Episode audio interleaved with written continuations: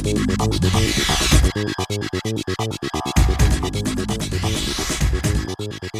guys, kembali lagi di Limus Liputan Informasi Musik di episode ke-11 kali ini. Dan di episode kali ini, Limus akan memberikan informasi dari Slang yang kabarnya itu mengajak Presiden Jokowi untuk menghadiri peluncuran baru di Lokananta Kemudian dari KPAI yang meminta Kominfo untuk menghapus video tidak pantas dua semangka di YouTube. Dan dari K-pop setelah diprotes, TXT akhirnya mengumumkan revisi nama fandom. Dan ada kabar The Rock yang menikah dengan kekasihnya setelah 12 tahun berpacaran. Ada juga lima hal menarik dari Jakarta Blues International Festival 2019 dan yang terakhir, manfaat memberi anak latihan musik dan informasi ini diambil dari kompas.com dan halodoc.com.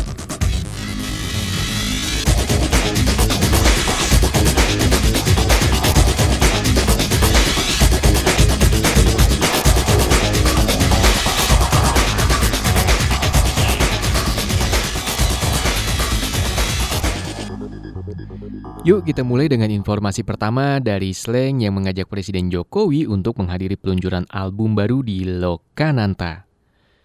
Grup band Slang berencana mengajak Presiden Republik Indonesia Bapak Jokowi untuk mengunjungi studio rekaman bersejarah Lokananta di Solo, Jawa Tengah.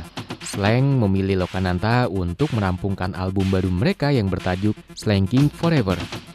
Dari keterangan kakak juga dirinya mengharapkan tidak hanya Presiden Republik Indonesia yang hadir, dia juga mengharapkan agar Wali Kota Solo juga ikut turut hadir. Grup band yang beranggotakan Bim Bim, Kakak, Rido, Ivanka, dan Abdi ini memilih Lokananta agar bisa menghidupkan kembali perusahaan rekaman musik pertama dan satu-satunya milik negara yang didirikan pada tanggal 29 Oktober 1956.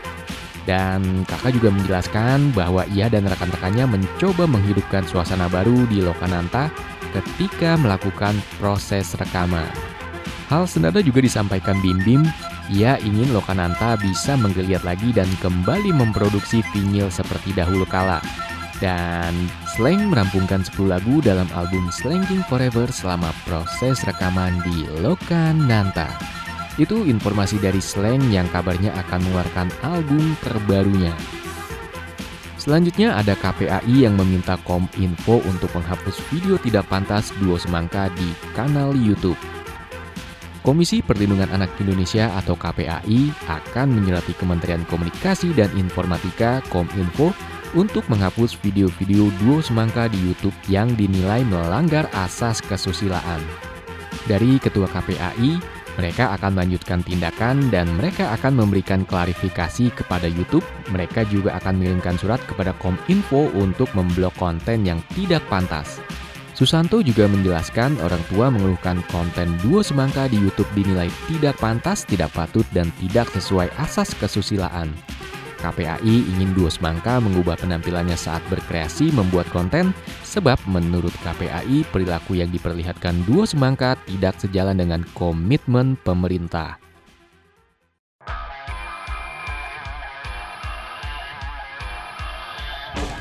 If we smell, nah masih pada inget nggak dengan sosok atau tokoh yang satu ini?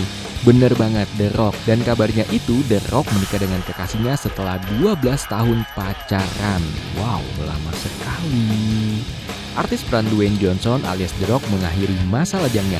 The Rock menikah dengan Lauren Hessian di Hawaii dan mantan pegulat profesional itu mengungkapkan kabar bahagia itu di akun Instagramnya pada hari Senin kemarin. Dalam foto yang ia unggah, Johnson mengenakan kemeja dan celana panjang putih pada upacara pernikahannya. Artis yang berusia 47 tahun itu tersenyum lebar di samping sang mempelai wanita yang bergaun pengantin beranda warna putih dengan ekor panjang. Pada foto kedua, pasangan pengantin itu pun hmm, berciuman di tepi pantai dengan pemandangan matahari terbenam yang indah. Gwen dan Lauren berkenalan pada tahun 2006 ketika aktor itu menjalani syuting The Game Plan. Mereka memulai pacaran di tahun 2007 dan saat ini mereka sudah dikaruniai dua putri, Jasmine dan Kiana. Gosip pernikahan mereka sebenarnya sudah muncul sejak bulan Juli lalu, namun The membantahnya dan menurut dia mereka tidak terburu-buru untuk menikah. Dan pernikahan ini adalah pernikahan kedua untuk Dwayne Johnson. Sebelumnya ia menikah dengan produser televisi Danny Garcia.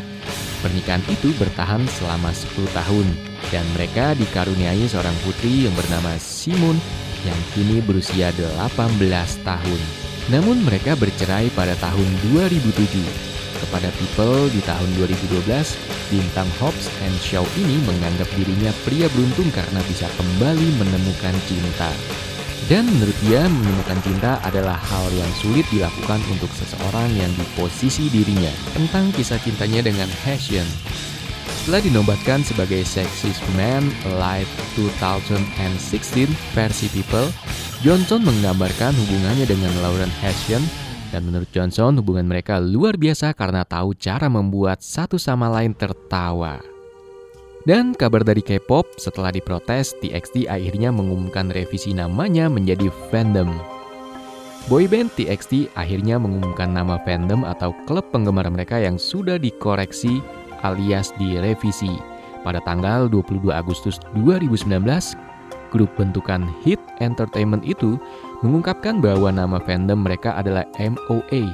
Lewat akun Twitter at txt underscore big hit, Subin dan kawan-kawan menjelaskan makna sebutan untuk penggemar mereka. MOA adalah kependekan dari Moments of Alwaysness.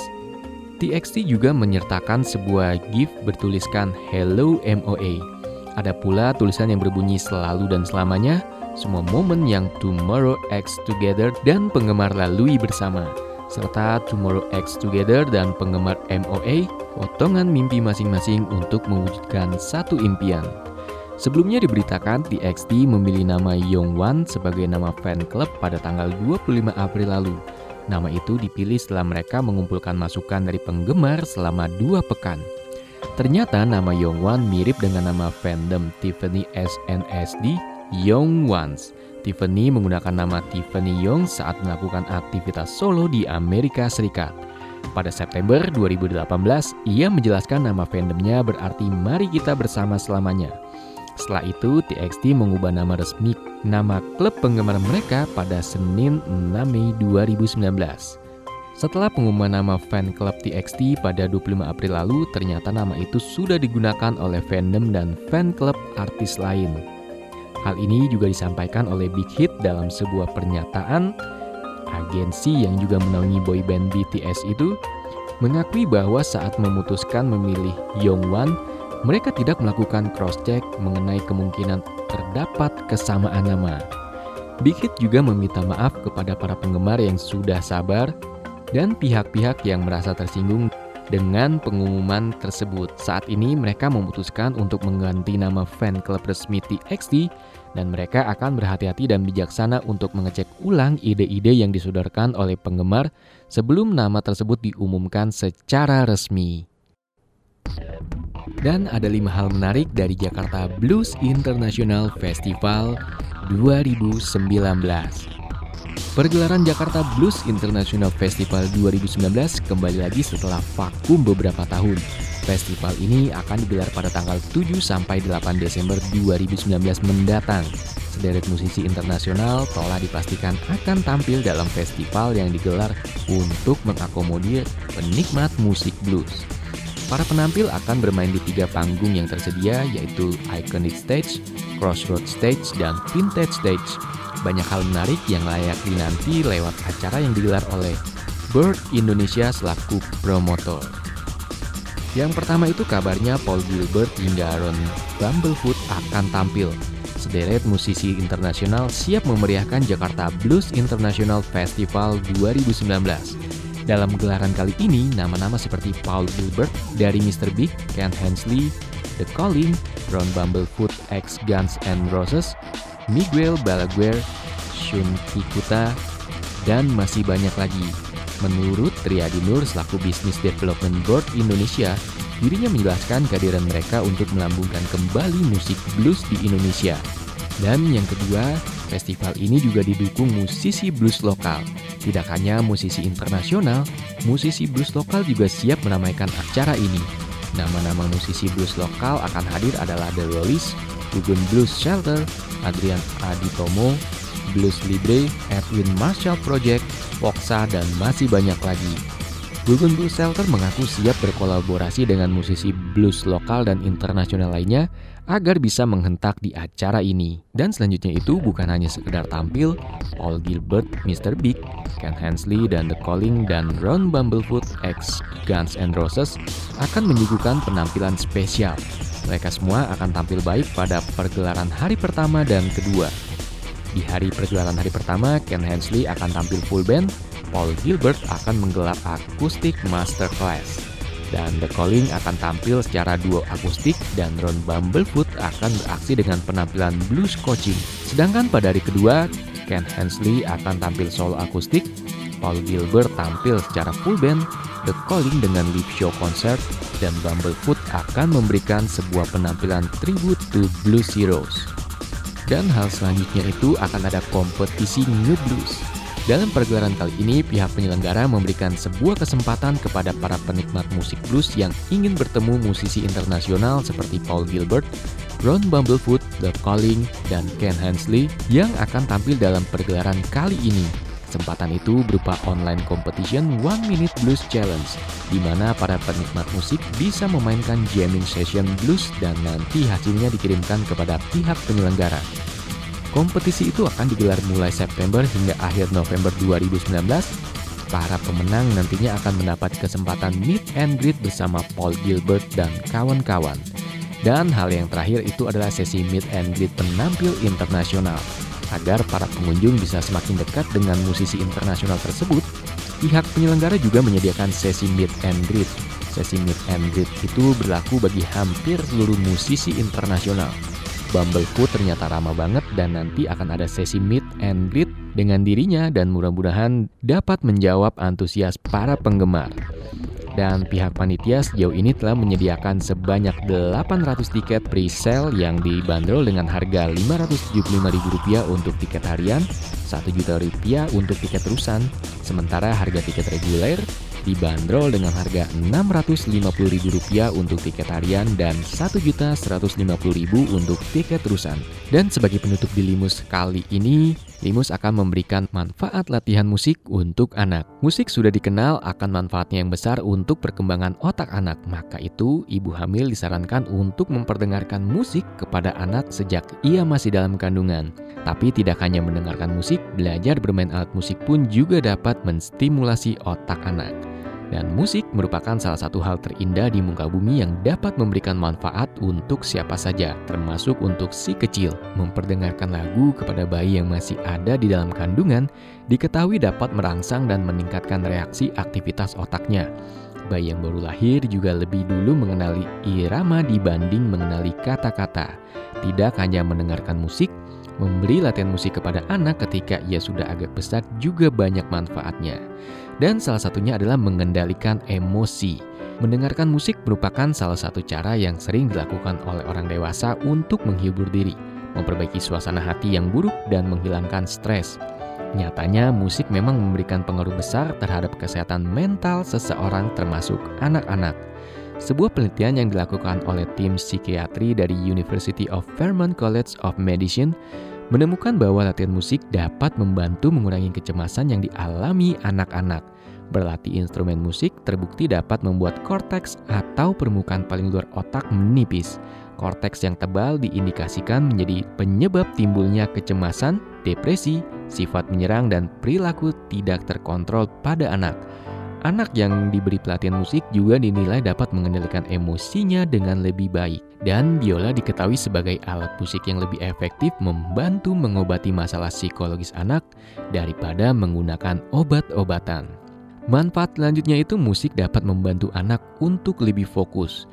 Masih berdasarkan penelitian tim psikiatri anak dari University of Vermont College of Medicine, latihan musik dapat membantu anak-anak menjadi lebih fokus pada apa yang mereka kerjakan. Korteks yang menjadi lebih tipis akibat bermain musik bermanfaat mengatasi masalah konsentrasi anak dan membuat memori anak bekerja dengan baik. Dan musik juga dapat bermanfaat untuk membuat anak Anda lebih pintar. Belajar memainkan alat musik tertentu seperti drum yang menggabungkan gerakan tangan dan kaki sangat baik untuk merangsang area motorik pada otak anak. Selain itu, anak juga belajar untuk mengkoordinasikan gerakan tubuh dengan penglihatan, pendengaran, dan juga otak saat bermain musik. Hal ini dapat membuatnya berpikir lebih cepat, memiliki daya ingat yang kuat, serta meningkatkan kemampuan otak kanan dan kirinya. Manfaat selanjutnya, bermusik dapat melatih keterampilan fisik anak Anda. Memberikan pelajaran drum yang melibatkan beberapa anggota tubuh sangat baik untuk anak yang sangat aktif. Dengan demikian, anak dapat belajar mengembangkan koordinasi dan kemampuan motorik yang umumnya terletak pada gerakan tangan dan kaki. Sedangkan piano dan instrumen bersenar seperti biola dan gitar menuntut gerakan yang berbeda antara tangan kanan dan tangan kiri, sehingga bermanfaat untuk melatih keterampilan tangan dan membuat anak tetap merasa tenang. Dan manfaat yang terakhir itu, dengan bermusik, anak dapat belajar disiplin dan sabar. Bermain musik memang tidak mudah dan untuk dapat menguasai sebuah lagu, si kecil harus berlatih terus-menerus dalam jangka waktu yang cukup lama. Jadi latihan musik secara tidak langsung juga mengajarkan anak untuk disiplin dan sabar. Karena untuk menguasai suatu alat musik dibutuhkan proses yang panjang. Itu informasi dan tips yang Limus berikan di episode kali ini. Semoga bermanfaat dan selamat ulang tahun Yeremia.